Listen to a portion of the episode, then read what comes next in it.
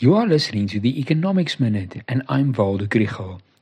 The week started with a lot of uncertainty about events in the Middle East and what it could mean for global markets. At the end of the week, the gold price is higher, the oil price lower, and the rand a little bit stronger against the dollar. There were also some domestic indicators of how the economy is doing. This episode is supported by the NWU Business School. August's production figures for the manufacturing sector and mining were announced this week.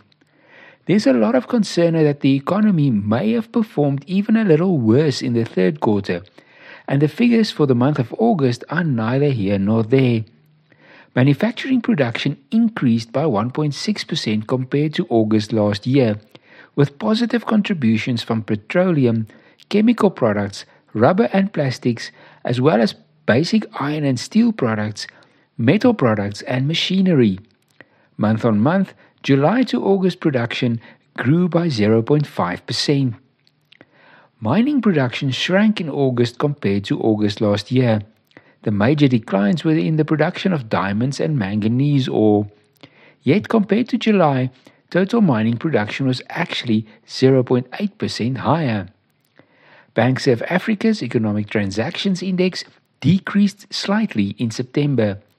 This shows that the economic activity remains subdued. This was also confirmed by S&P Global's Purchasing Managers Index, which fell to 49.9 points.